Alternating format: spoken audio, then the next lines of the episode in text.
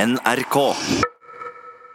Vi skal til et innslag eh, som du har laget, Tore. Ja, jeg lagde det helt alene. Ja, Det handler om en skarpskytter, stemmer ikke det? Nei, Som det heter vel Jeg tror det vel egentlig heter snikskytter. heter Snikskytter, ja. Ja, eller sniper på engelsk. Sniper på engelsk. Han har en uh, lei lite, leit lite handikap som øh, gjør jobben hans vanskelig. Ja, Han jobber i sin egen bedrift, som han har startet selv. Ja, Han jobber sammen med svogeren sin. Eh, Firmaet heter eh, Omdal og Henmo. Omdal Henmo eh, skarp Det kan snikskyttertjeneste. du ikke skrive. vet du. Det kan man ikke skrive, nei. Skal vi høre denne, denne lille dokumentaren, Tore? Ja, det kan vi gjøre. Ok.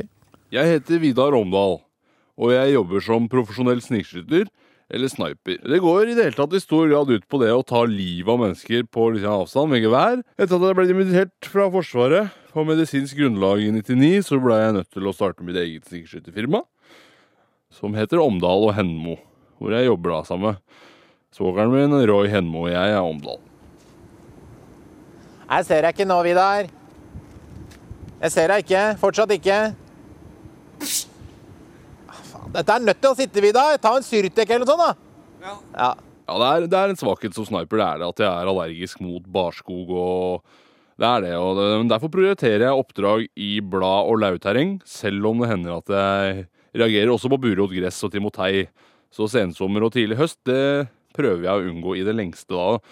Pleier jeg å ta ut ferie. Jeg er ute med kona og reiser. Da reiser jeg med kona. Jævlig bra kamo i dag, ass, Vidar. Det er nesten helt umulig å se deg. Jeg ser deg ikke i det hele tatt. Ja, Så må du snyte deg før du begynner, ikke sant? sorry, Faen, ass. Jeg tror faen meg det er den bøken jeg reagerer på. altså. Ja, hvis det skulle skje på et skarpt oppdrag altså det, sk- det skjedde faktisk eh, en gang at jeg fikk en skikkelig serie med nysanfall. Og jeg skulle ta ut en eh, var det israelsk konsul da, for Blitz, tror jeg det var. Og Da lå jeg i noen busker på andre sida av veien, og da, og da hørte jeg faktisk meg. Og da, men da er det bare én ting å gjøre, og det er å legge seg fullstendig flat, si unnskyld. Eh, Det er ikke noe med deg å gjøre, det er ikke noe personlig eh, og sånne ting. Det pleier stort sett å gå bra, det, hvis man bruker normal høflighet. Og da får kunden igjen penga, og klienten lever og ånder den dag i dag. Da. Det gjør den. Hun. Hvordan ser pollenvarselet ut for i morgen, Roy? Det er mye burot, bjørk. Det er nesten ikke noe gress. Det skal gå bra, det, tror jeg. Det virker bra, det. Ja. I morgen så skal vi ta ut eh, utviklingsminister eh, Erik Solheim eh, på oppdrag eh, fra Fremskrittspartiet. Da er det sentralstyret da som har bestemt at han må bort, og det Da tenkte jeg å ta han på vei til jobben, for det gjør det enkelt, liksom. Det er ikke noe å drive og gjøre noe vanskeligere enn det. Ja, nå, nå ligger vi utafor huset til Solheim, da. Erik. Erik Solheim. Erik, ja. Pleier å dra på jobb sånn rundt halv sju. Hva er tida nå? Ti på halv. Sikkert.